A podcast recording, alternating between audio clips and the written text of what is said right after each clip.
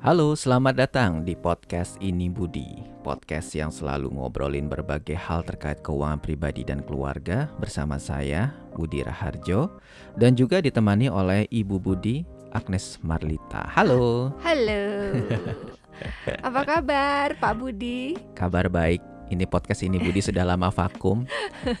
Sorry ya, memang yang namanya ngobrolin lewat podcast itu kan bukan pekerjaan sehari-hari ya, jadi butuh latihan, butuh pembiasaan gitu ya. Kadang harus dimotivasi juga ngobrolin uh, lewat podcast ini. Ya, dan kadang-kadang emang harus dipaksain juga gitu. Jadi jangan sampai nunggu mood melulu, akhirnya nggak jadi-jadi bikin podcast gitu loh.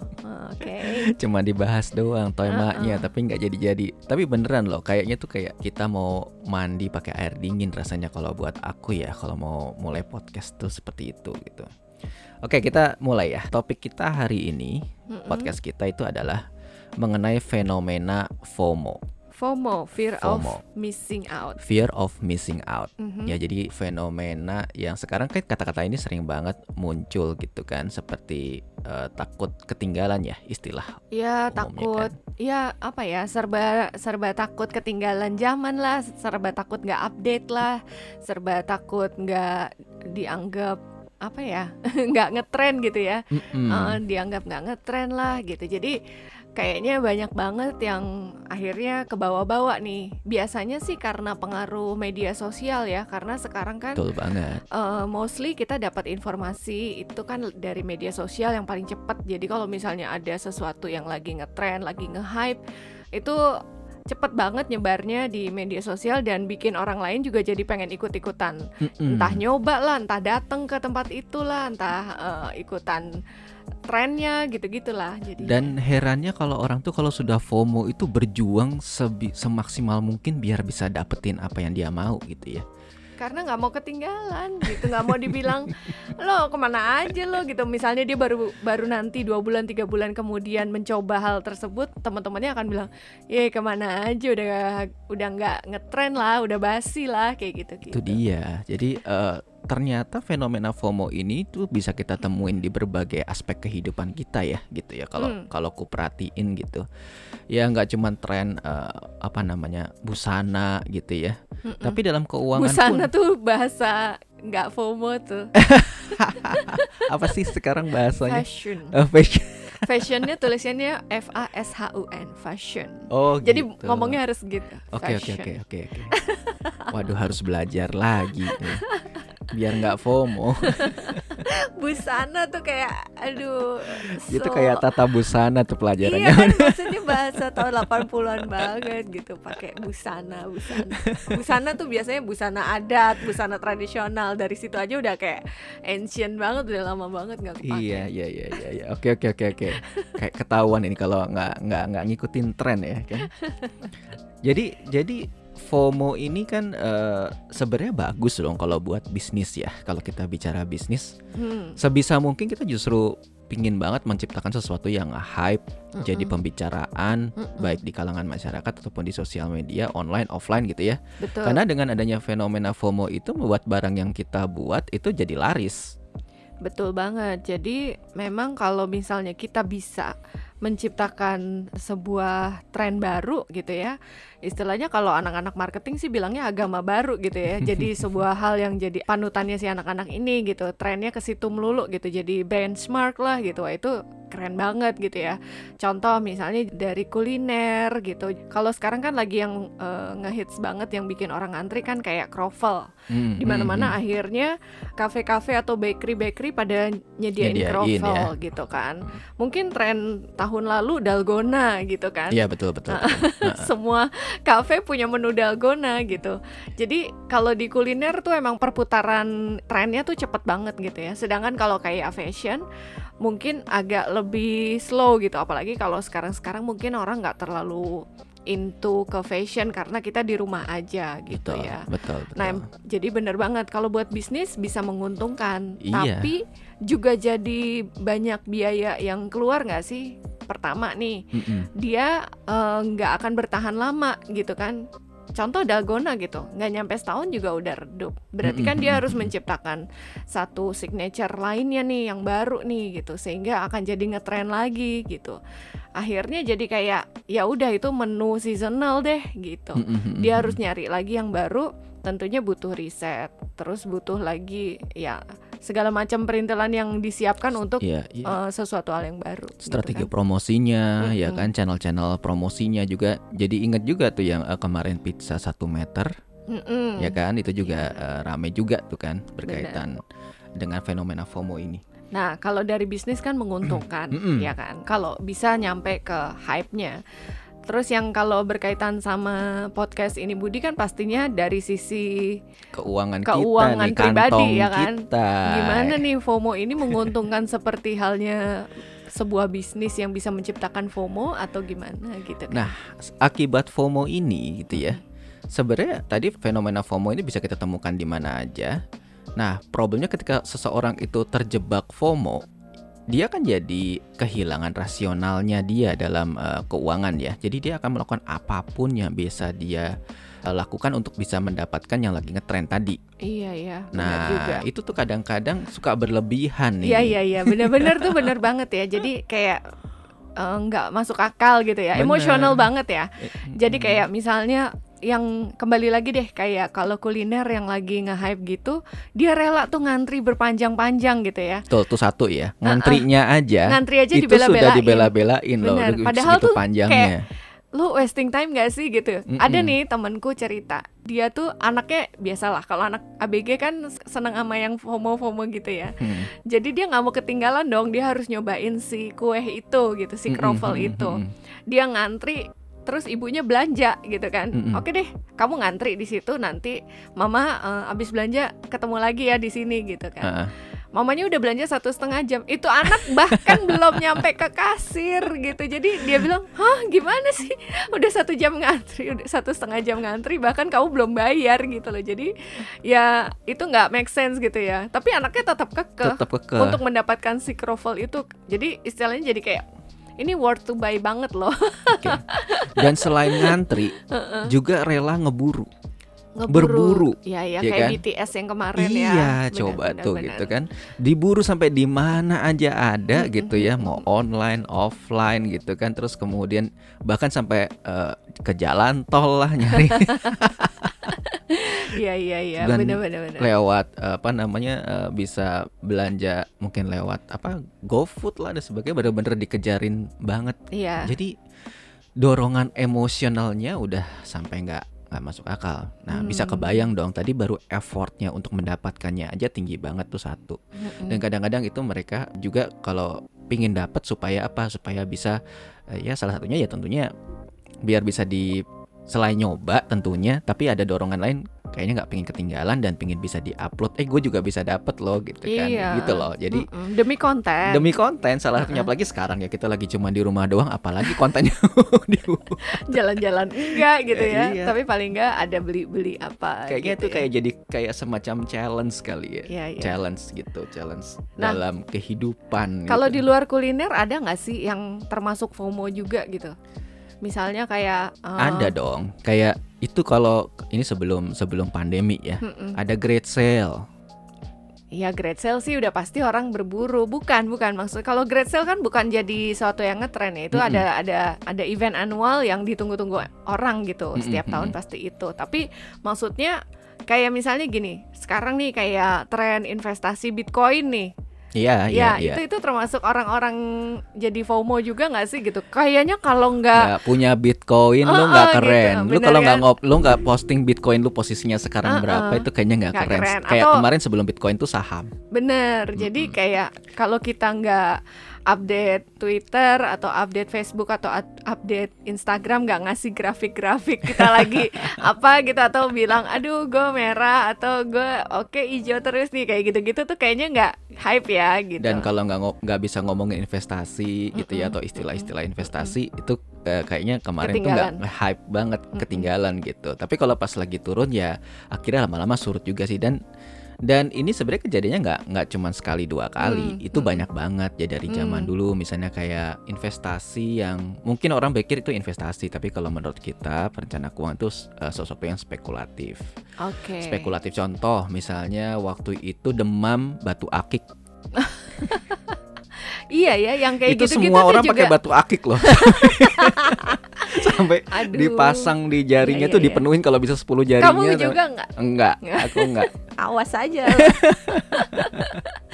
Oke. Itu. Iya iya iya, itu demam batu akik tuh sampai udah nggak masuk akal juga tuh ya. Mm-mm. Jadi kayak orang juga lagi jalan, tiba-tiba ada yang nawarin nih ada batu harganya segramnya tuh berapa gitu tuh juga nggak masuk akal tuh dibilangnya itu rare condition Iya, lah ya. dan ya kan benar sih? yang yang justru jadi- daya tariknya memang kayak itu pola-polanya yang rare dan kadang-kadang itu ada bentuk-bentuknya misalnya jadi kayak bentuk-bentuk kayak hewan gitu-gitu. Nah, itu sebenarnya yang Oh, orang-orang lihat gitu. itu langka gitu ya. Langka. Kalau aku dulu pernah sih beli batu akik, tapi zaman kuliah. Tahu nggak kenapa aku beli batu akik? Kenapa?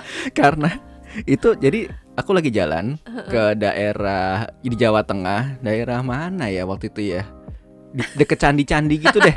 Deket candi-candi. Makanya jangan jalan-jalan sendiri kena sirup. Deket candi-candi. Terus ada yang jualan batu akik. Dia bi- dia cara jualannya pinter banget. Heeh. Kalau batu ini cocok sama kamu, di- dia kayak punya batu rajah gitu. Ah, Batu Ditar- raja apa sih? Jadi kayak batu jimatnya lah oh, gitu ya. oke. Heeh. Itu ditaruh di dalam gelas bening yang ada air air air beningnya gitu ya. Gelas bening biasa terus kemudian ada, ada air air bening terus kemudian di dalamnya ada batunya.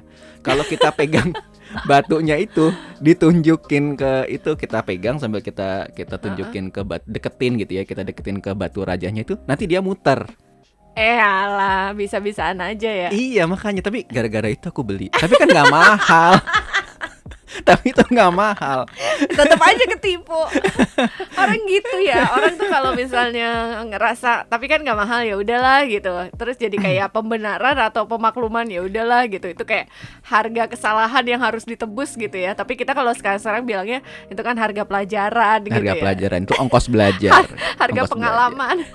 Nah, ongkos belajar ini kadang-kadang ada yang kecil, ada yang gede. Iya iya iya iya. Kalau berkaitan dengan Tapi itu kamu- keuangan tuh bisa bikin rugi banget. Kalau zaman waktu itu ya, itu so- itu eh, uang makan sehari. Nah kan jadi kamu rugi kan Nah sekarang kalau menyikapi yang eh, FOMO yang terjadi berkaitan sama Akhirnya ujung-ujungnya akan punya impact ke finansial kita gitu ya Mm-mm. Kayak tadi FOMO ikut-ikutan punya, Punya saham investasi saham. Atau punya bitcoin Mm-mm. gitu Tapi nggak tahu ilmunya Cuman ikut-ikutan doang Banyak nggak kasusnya tuh terjadi Akhirnya Banyak. orang banyak yang Banyak. kejeblos Jadi eh, orang itu memang pada dasarnya punya dorongan untuk dapetin keuntungan dong. Makanya dia yang Secepat- pengen secepat eh, mungkin secepat ya. mungkin Heeh, gitu. heeh. Jadi kayak makanya itu yang menarik orang untuk oke mulai bikin bisnis. Mm-mm. mereka mulai investasi karena mereka tergiur dengan keuntungannya. Tapi kita juga nggak boleh semata-mata cuma ngelihat keuntungan doang. Oke Itu gitu. Kita harus tahu bahwa dalam setiap investasi ataupun keputusan keuangan yang kita ambil itu pasti Mhm. ada konsekuensinya, Mm-mm. ya kan? Kita berhemat konsekuensinya harus menunda kesenangan, Iya ya kan? Mhm. Kita berinvestasi, pingin dapat keuntungan, konsekuensinya ada uang yang harus kita taruh ya untuk beli aset investasi itu yang ada resiko kemungkinan tujuan kita nggak tercapai. Oke. Itu tidak tercapainya kenapa? Ya biasanya lebih karena kita kurang pengalaman, Mhm. kurang pengetahuan, lebih kepada arah itu sih. ya. Oh, Oke. Kalau oke. kita kurang peng- pengalaman, kita kurang pengetahuan, ya apa pun investasi atau bisnis yang kita lakukan akan jadi bahaya. Mm-mm. Kita kita kayak inilah kayak kita belajar naik sepeda lah ya. Mhm. Kan kita harus tahu dulu caranya dan harus ada yang bimbing kan. Iya benar. Gitu. Ada yang ngasih tahu dulu dan orang itu bisa naik sepeda memang yang bimbing. Kalau Iya. yang yang bimbing nggak bisa naik sepeda, ngajarin sepeda kan ya gimana gitu Mm-mm. kan. Nah, ini misalnya ada orang dia posting ya. Mm-mm. Dia berhasil investasinya keuntungannya sekian sekian sekian. Nah, banyak orang itu langsung ngelihatnya Oh kalau taruh uang di investasi itu bisa akan untung sekian. Oke. Langsung sesimpel itu, Iya, sesederhana langsung itu gitu. Punya, Punya langsung asumsi. asumsi. sendiri. Tanpa mencari tahu dulu gimana sih caranya biar Hmm. bisa dapat keuntungan sekian. Mm-mm. Apa sih yang dia lakukan waktu itu, ya Hmm. kan?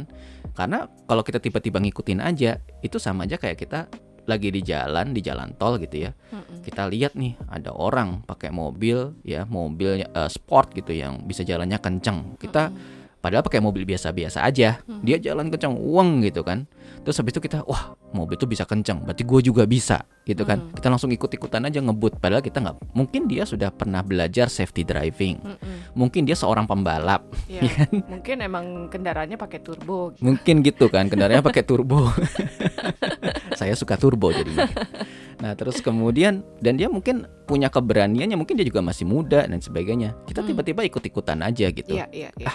Kayaknya dia bisa kayak gitu, mobil gue juga bisa kok. Padahal mobil kita mobil biasa-biasa aja, ikut-ikutan. Tahu nggak sih?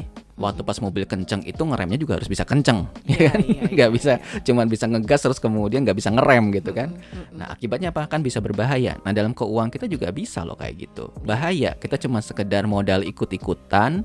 FOMO. Kayaknya gue harus coba nih ya Bitcoin. Kayaknya gue harus coba nih saham dan sebagainya. Tapi kita nggak cari tahu. Cuma sekedar ikut-ikutan. Oh orang pada beli ini gue ikut beli itu deh. Hmm. Orang pada beli ini gue ikut itu deh. Akibatnya apa?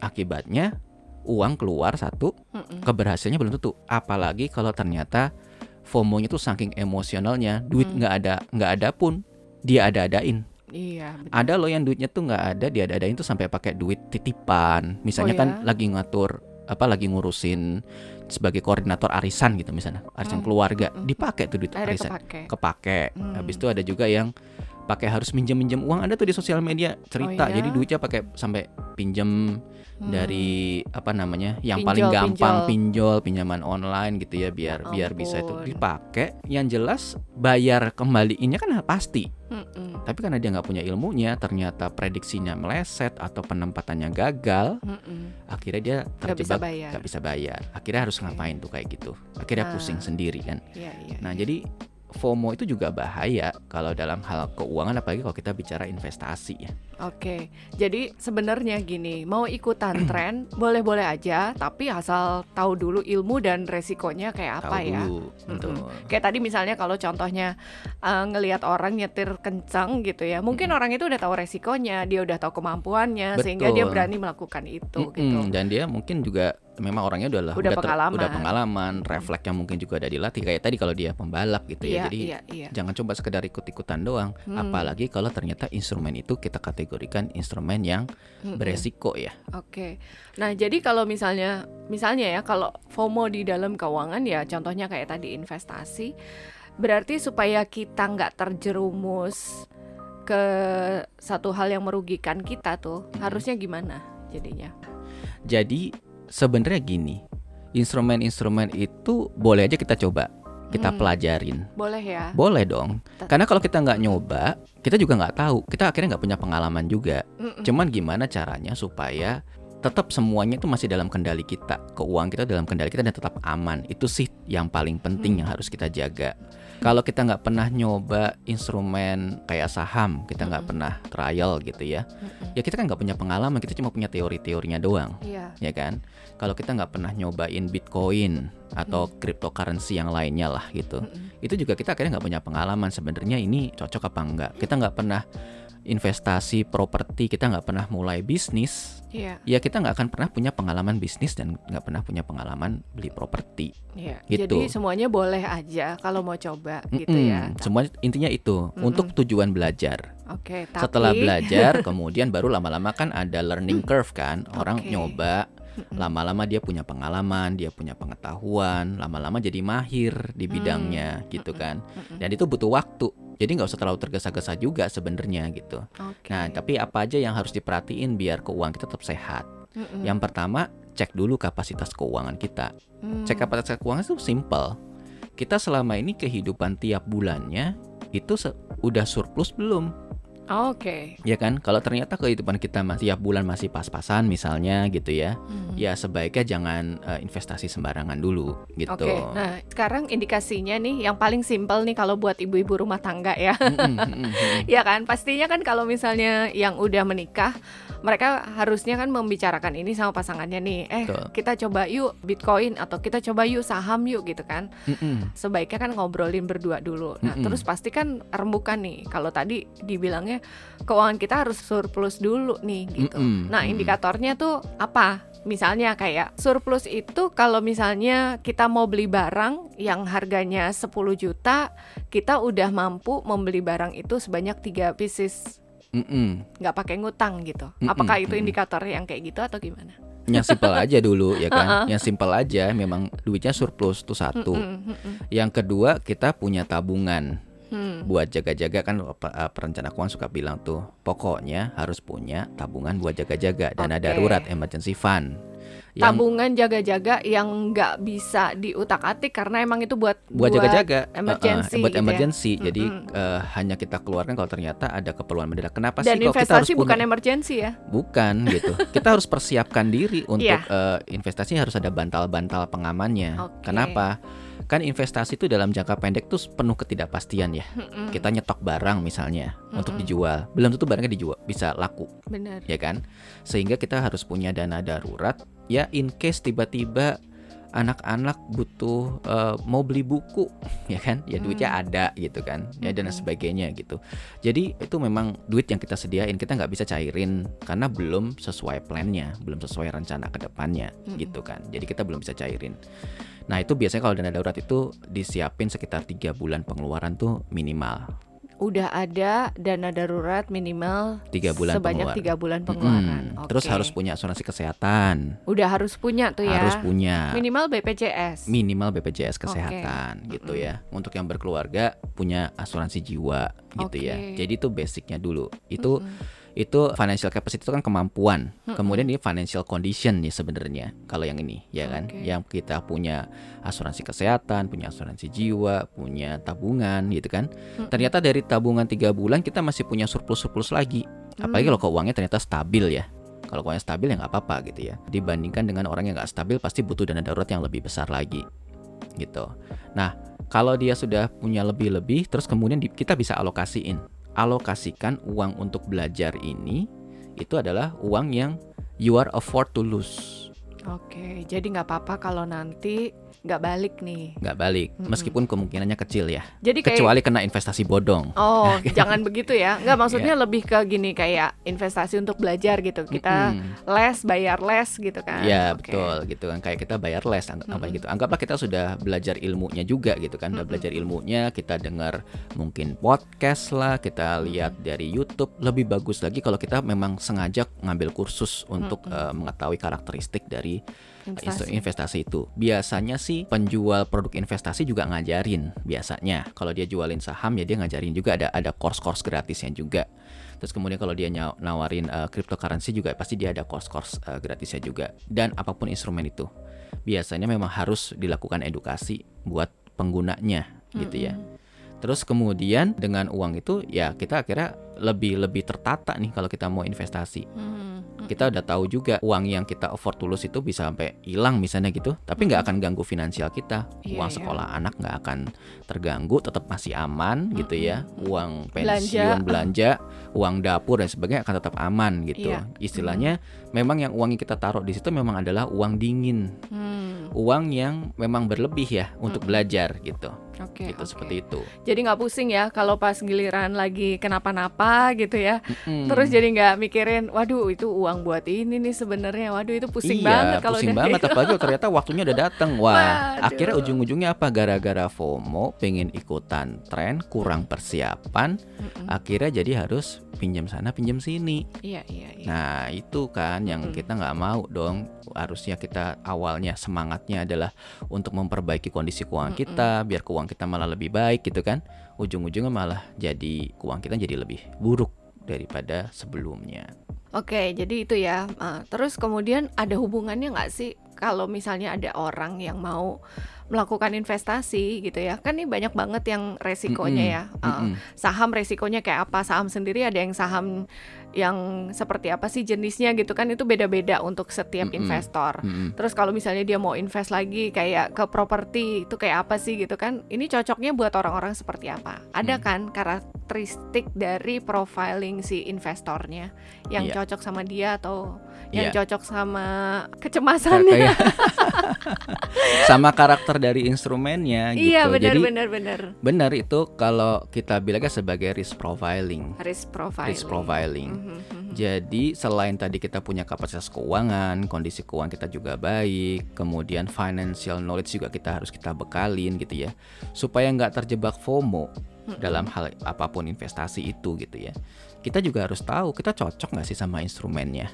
Hmm, jadi Jadi jangan misalnya ikut-ikutan gitu. Ada orang Uh-uh. yang kita biasanya bagi risk profile ini menjadi tiga karakteristik umum. Oke. Ada orang yang kategori investor konservatif, Mm-mm. ada orang yang tipe investor moderat, sama ada yang agresif. Oke. Nah, kalau dia menyadari bahwa dia tipikal orang yang konservatif, Mm-mm. dia tahu bahwa orang yang investasi itu yang berhasil angkanya gede banget itu ternyata dia masuk kategori orang yang agresif gitu misalnya gitu ya, Mm-mm. yang nyetirnya ugal-ugalan. Mm-mm. Ya jangan karena FOMO lagi hype diomongin di sosial media terus dia ikut-ikutan. Hmm, jadi bagusnya dia investasi yang kayak apa nih? Ya Berarti sesuai kan dengan karakteristik kan ya? dan keyakinannya dia juga gitu. Oke. Yang karakteristiknya dia apa? Biasanya orang konservatif itu kan mengharapkan kepastian.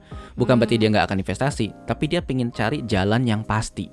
Kayak kita jalan dari Jakarta ke Bandung, kita pingin cari jalur yang pasti, ya kan? Ada orang yang senengannya ah gue sambil berjiwa petualang lewat puncak lah ini habis itu Mm-mm. lewat Sukabumi terus ke, sampai ke Bandung misalnya gitu ya Oh iya, lama banget itu. itu lama banget kan kita udah pernah nyoba gitu kan tapi kan buat orang yang punya jiwa petualang itu asik-asik aja Iya, iya. apalagi mungkin dia pengen nembus-nembus hutan lewat off-roadan kali gitu Iya, ya iya, mungkin dia temennya Dora ya, Dora Explorer ya. Oke. Iya. tapi kan ada orang yang aduh udah deh nggak usah aneh-aneh lewat aja jalan yang biasa lewat Heeh, tol satu setengah udah jam aja udah deh. keprediksi nyampe ke sana kalau perlu kita naik kereta aja di sana udah ada yang Oke. prepare gitu ya gitu ya Oke. jadi karakteristiknya kita harus perhatikan kalau karakteristik kita kita nggak cocok nggak usah ikut-ikutan gitu. Hmm. Momentum pun juga sebenarnya ya setiap investasi itu memang ada momentum-momentum uh, waktu-waktu yang paling pas buat kita naruh gitu suka ada gitu ya. Hmm. Meskipun cara investasi yang terbaik adalah konsisten. Ya kan kita konsisten berinvestasi dalam berbagai kondisi apa pun.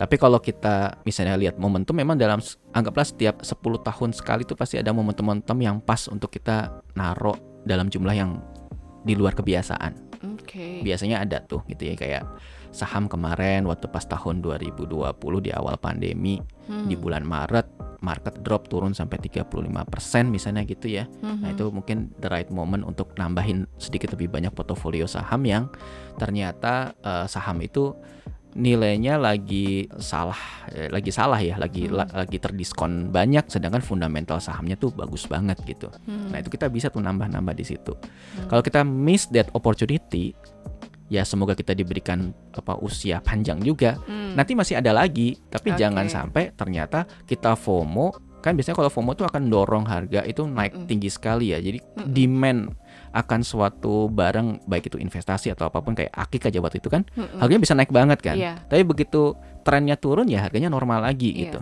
Nah, itu biasanya akan membuat harga itu jadi menjulang gitu lagi Hmm. jadi naik banget. Nah, jangan sampai akhirnya kita malah justru beli di pucuk Hmm. lagi pas lagi mahal-mahalnya Hmm. gitu. Apalagi tadi spekulatif. Kita pakai duit ini, duit itu, duit ini yang sebenarnya bukan hak kita atau yang Hmm. ternyata duit pinjaman malah justru nanti malah kita jadi terjebak. Jadi sesuaikan sama karakter kita juga. Kalau Mm-mm. kita orangnya konservatif kayak gimana, kalau kita orangnya moderat seperti apa, sama kemudian kalau kita agresif seperti apa, gitu. Oke. Mm. Tapi kalau yang konservatif bisa-bisa aja dong dia ikutan invest di Bisa. saham ya. Mm-mm, bisa aja, tapi tadi rencananya kayak apa dan Mm-mm. berapa uang yang dia afford tulus untuk belajar. Nah, kalau ngomongin rencananya kayak apa, berarti sebenarnya pas mau investasi harus tahu dulu ini buat apa gitu nggak sih? Mm-mm, Bener mm-mm, nggak? Betul, gitu. Itu yang banyak orang nggak lakukan waktu pas dia mau berinvestasi. Oke. Yang di dalam otaknya dia cuman cuan, cuan, cuan. Nah, itu Gitu dia. kan. Ha-ha. Dia Harusnya tidak- gimana? Ya harusnya ya dia harus tahu dulu ini uangnya mau dipakai buat apa. Iya kan? Kalau memang tujuannya memang untuk rencana di masa depan buat nyekolahin anak, buat pensiun, itu harus sesuatu yang terukur. Oke. Ya, sesuatu yang terukur dan kita tahu kalau dia berhasil bagaimana, kalau agak miss seperti apa. Oke, gitu kan. misalnya kalau misal buat sekolah anak gitu, berarti Mm-mm. misalnya dia udah tahu nih eh, akan digunakan dalam waktu tiga tahun lagi atau Ya, lima tahun lagi gitu ya, maksudnya waktunya terukur jelas gitu, gitu, ya. kan, Mm-mm. terukur waktunya jelas, jumlahnya nilainya sekian dan Mm. penempatannya berarti kita nggak boleh sembarangan kan. Oke. Tapi ternyata di luar itu kita masih ada yang wah aku pengen belajar yang ini deh buat spekulatif. Jadi kita harus harus tahu juga Mm-mm. investasi yang buat akan kita gunakan untuk konsumsi memang jadwalnya pasti Mm-mm. ya kan. Kemudian jumlahnya pasti nggak bisa kurang. Iya. Itu kita harus punya rencana yang matang. Hmm. Tapi kalau di luar itu ternyata oh pingin belajar iseng-iseng kalaupun rugi enggak kok ini duit ini aman duit itu aman duit itu aman ya Oke. itu sih silahkan aja gitu Iya ya, kalau nggak ada tujuannya tuh akhirnya cuman kayak cuan sedikit diambil gitu. nggak ada nggak iya nggak ada Jadi nggak ada juga rencana mau nih oke lah kalau dia cuman cuman pengen coba-coba berarti kan jangka pendek ya gitu. Mm-mm. Padahal harusnya ada kok yang investasinya memang dilakukan jangka panjang. Jadi nggak yang setiap hari deg-degan gitu nggak sih? betul betul tiap hari degan tiap hari dimonitor gitu kan Padahal investasinya buat 10 tahun Iya, buat gitu. pensiun. dia bahkan nggak punya plan kak kalau turun kayak gimana nih ya oh ini gitu-gitu itu bahaya bahayanya gitu dan FOMO itu juga kadang-kadang dimanfaatkan oleh orang-orang yang dengan tanda kutip gitu ya kriminal gitu Mm-mm. jadi apa yang lagi ngetren sering kali itu akhirnya juga dijadikan eh, ajang untuk investasi bodong itu yang kita juga harus hati-hati Oh gitu. Jadi ada orang yang memanfaatkan FOMO-nya Mm-mm. orang Kefomoan lain itu gitu untuk ya. investasi bodong Oh, sama kita aja deh investnya Mm-mm, gitu, ya, gitu ya. gitu. Nah itu makanya kita juga harus tahu cek Mm-mm. juga background dari eh, investasi yang mau kita lakukan. Oke. Udah ada pengawasnya belum gitu kan? Mm-mm. Kemudian ini siapa lembaganya dan lain sebagainya itu kita harus betul-betul eh, cek background. Oke. Jadi itu ya kalau kita mau oke FOMO itu sebenarnya kalau buat bisnis tuh ya oke-oke aja gitu. Mm-mm. Tapi kalau buat keuangan pribadi kita harus cek and recheck lagi, terutama kalau kita ternyata FOMO-nya di bidang investasi. Iya. Jangan sampai investasinya berantakan, keuangan juga berantakan juga. ya Kalau kan? misalnya FOMO-nya di bidang keuangan tapi yang menambah pemasukan tuh boleh ya. Maksudnya kayak gini, misalnya kayak belajar investasi, belajarnya jadinya yang Mm-mm, investasinya itu mm-mm. malah oke-oke Itu- aja Itu ya. oke aja karena Mm-mm. kan kalau ada istilahnya kan investment with the best return itu Mm-mm. adalah di ilmu pengetahuan, Iya benar. ya kan? benar. Kita nambah skill apa aja, Mm-mm. terutama terkaitan dengan profesi kita, ya Mm-mm, kan? mm-mm. Terkait dengan gimana caranya kita mengelola bisnis kita dan sebagainya, yaitu investasi yang terbaik gitu yang kita punya kendali di dalamnya. Oke, ada lagi nggak tentang si FOMO ini? Bukan si Komo ya, si FOMO ini. Ya FOMO ini natural lah ya, alamiah. Mm-mm. alamiah. Memang manusia ini kan ada rasional, ada emosional. Kadang kita memang tergoda-goda tuh sama hal-hal yang lagi nge-hype, apalagi semua orang kayaknya kalau kita nggak keikutan. Dan kita sebagai perencana keuangan pun juga sering kali juga kok orang pada ngomongin ini gitu kan. Mm-mm. Tapi padahal kita tahu kalau itu ya ada ilmunya gitu. Ada hal-hal yang harus mendasari. Kita jadi kayaknya kayak anti anti apa ya istilahnya? An- Anti hype. Anti hype gitu. Mm-mm. Kesannya begitu kan saat orang lagi ngomongin kok kita diam aja gitu Iya, kan. iya.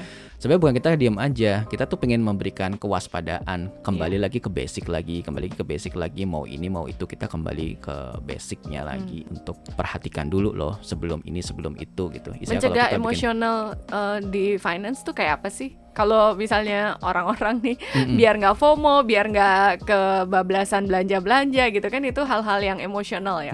Itu caranya gimana? Yang paling simpel. paling simpel adalah take a pause waktu pas kita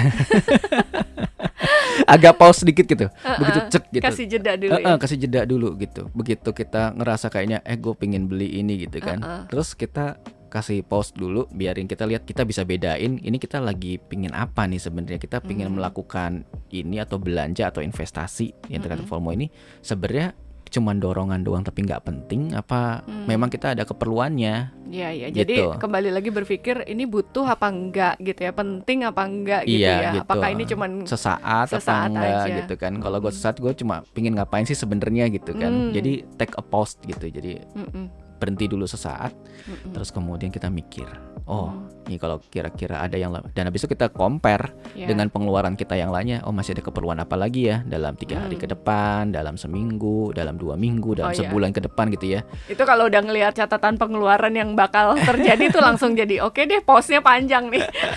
nggak jadi deh. habis itu kalau yang udah mulai punya pasangan coba ngobrol Mm-mm. sama pasangannya gitu kan jadi dibikin prosesnya penuh biro- birokrasi ya Iya iya iya. Jangan gampang ini ya, jangan gampang ngeluarin gesek aja gitu ya, jangan Iya. ya. tapi Karena yang yang single yang repot sebenarnya yang single bisa ngobrol sama siapa ya? Temennya iya makanya. Sama siapa? Hanya ada self awareness di situ. Hanya Iya, dia dan bisa sama dia orang dia dan bayangannya dia sendiri. Bisa sama orang tua juga sih. Ada sih teman-temanku yang masih ngobrolnya tuh sama ibunya gitu atau sama Hmm, bapaknya gitu. Jadi mm-mm. misalnya kayak karena dia masih sendiri terus masih tinggal sama orang tua gitu. Jadi misalnya ngekos pun suka pulang terus jadi kayak bahkan gajinya juga dititipin ke ibunya Iya, iya, gitu iya, iya, kan. iya. jadi jadi kadang-kadang- financial advisor-nya adalah "Eh, eh, ini orang kayaknya tuanya aku sendiri. mau beli ini gimana ya kira-kira gitu. Terus ntar kan ibunya yang ngasih tahu tabungan kamu emangnya udah cukup? gitu. Emang Mm-mm. kamu nggak pengen buat apa dulu? gitu. Kan ibunya Mm-mm, jadi mm-mm, bisa ngingetin karena nggak gitu. ada nggak ada concernnya kalau orang tuanya ya kan. Oh, oh, terserah aja itu duit-duit dia gitu kan. Sementara kan orang tua juga nggak akan minta-minta gimana gitu kan ke Mm-mm. anaknya gitu. Kalau emang ada keperluan atau butuhnya sih orang tua pasti akan nanyanya itu lagi gitu. Emang penting banget sekarang nih buat itu ini. apa sih bahkan mungkin pertanyaannya itu itu itu apa itu gitu. buat apa ah, gitu. gitu. Emang kamu mau ngapain nanti gitu-gitu. Ya itu bagus tuh kalau yang bisa dikontrol. Ada orang lain yang ikut ada orang lain yang kontrol ikut gitu. kontrol. Ya ya ya. Oke, ini seru ya. Berarti mungkin next topic kalau hari ini udah FOMO, udah tahu bahwa sebenarnya boleh-boleh aja ikutan FOMO tapi harus tahu resiko dan ilmunya Mm-mm. dan besok-besok- dibajetin gitu dan dibajetin kan. gitu ya. Nah, besok-besok berarti kita harus back to basic lagi nih ngomonginnya. Mm-mm. Lebih ke misalnya Oke deh, gimana dong biar siap FOMO? gimana biar siap FOMO apa yang harus dilakukan gitu Iya. kan. jadi biar biar nggak miss opportunity gitu Iya, kan gitu. Nah, nggak kehilangan tapi tapi tetap tetap masih bisa ikutan tren Heeh, berarti besok-besok topiknya boleh ya kita bikin boleh boleh gitu boleh ya. ya Gimana mempersiapkan ikutan FOMO? Iya kan kalau ada apa-apa jadi mau ikutan nge-hype ikut ngantri sneakers baru gitu Mm-mm, kan. mm-mm. Biasalah kalau cowok-cowok kan urusannya sepatu, kalau cewek-cewek tapi sekarang urusannya sepatuku masih sepatu yang tahun lalu nggak nambah tuh kadang nggak jalan-jalan juga iya ya. kadang lihat toko lihat toko sepatu juga Tapi hati-hati loh. Ah. Sepatu kamu kan udah lama gak kepake tuh. ah. Tuh dibawa ke mall jebol nggak bawahnya. Banyak loh kejadian teman-teman iya betul aku. betul nggak usah teman kamu kayaknya aku kan juga pernah mengalami itu gitu ya. jadi ada sepatu yang aku simpan di awet-awet Heeh. suatu saat karena mau meeting penting ya di sebuah perusahaan BUMN aku pakai lah itu sepatu ternyata karena udah lama tahu nggak itu sepatu di jalan rontok. Rontok loh bener-bener rontok. Abis itu solnya lepas loh. Jadi kemarin itu ada temenku, dia cerita gitu ya. Jadi sepatu sneakersnya dia itu setahun ini kan nggak dipakai lah ya gitu kan. Terus dia jalan ke mall tuh, itu sepatu mahal loh, sepatu asli dan mahal. So- Soalnya copot. Itu jadi kayak hilang wibawa banget kan. Kayak kesannya buset nih KW banget sih gitu. Padahal enggak Cuman anak itu katanya lembab gitu. Ya Jadi si lemnya tuh nggak gigit lagi gitu loh. Nah kalau kamu kan kulit ya waktu itu ya? Sol sepatu kulit Eh, kan? nggak tahu deh waktu itu pokoknya bawahnya tuh akhirnya rontok. Iya, tahu, kalau ini tuh masih bisa rontok. dilem kan? Iya. Kalau itu masih bisa dilem. Kalau ini udah nggak bisa ini hancur dibawa ke stop and go aja. Ya gitulah. Jadi ya itu. Oke. jadi maksudnya kalau misalnya sekarang lagi pandemi gini kan orang-orang pada FOMO ini FOMO itu. Sementara kalau kita bisa nahan ya kita tahan aja dulu. Mm-mm. nah hubungannya sama pandemi juga nih. Berarti pada saat pandemi kalau mau FOMO harus lebih mikir lagi dong ya. Harus mikir dua kali. Iya, apalagi kalau ternyata keuangan kita nggak stabil ya. Gara-gara Nah, pandemi ya. Dia. Heeh, gitu. Kalau ya keuangannya stabil, go on. Belanja Iya. kalian akan membantu perekonomian. Tapi kalau buat yang keuangan nggak stabil, you better Mm-mm. think twice gitu. Ya masih banyak yang harus dijagain dulu nih gitu Mm-mm, kan. mm-mm.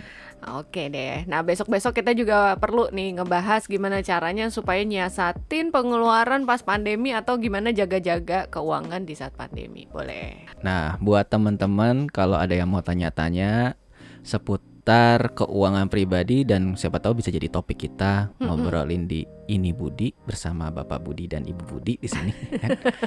Nanti kita akan diskusi bisa lewat Instagram saya @raharjobudi atau Twitter @raharjobudi juga. Oke, jadi boleh langsung mention aja di situ ya. Mention. Kalau kamu merasa podcast ini juga bermanfaat, tolong mention ya, biar saya juga happy.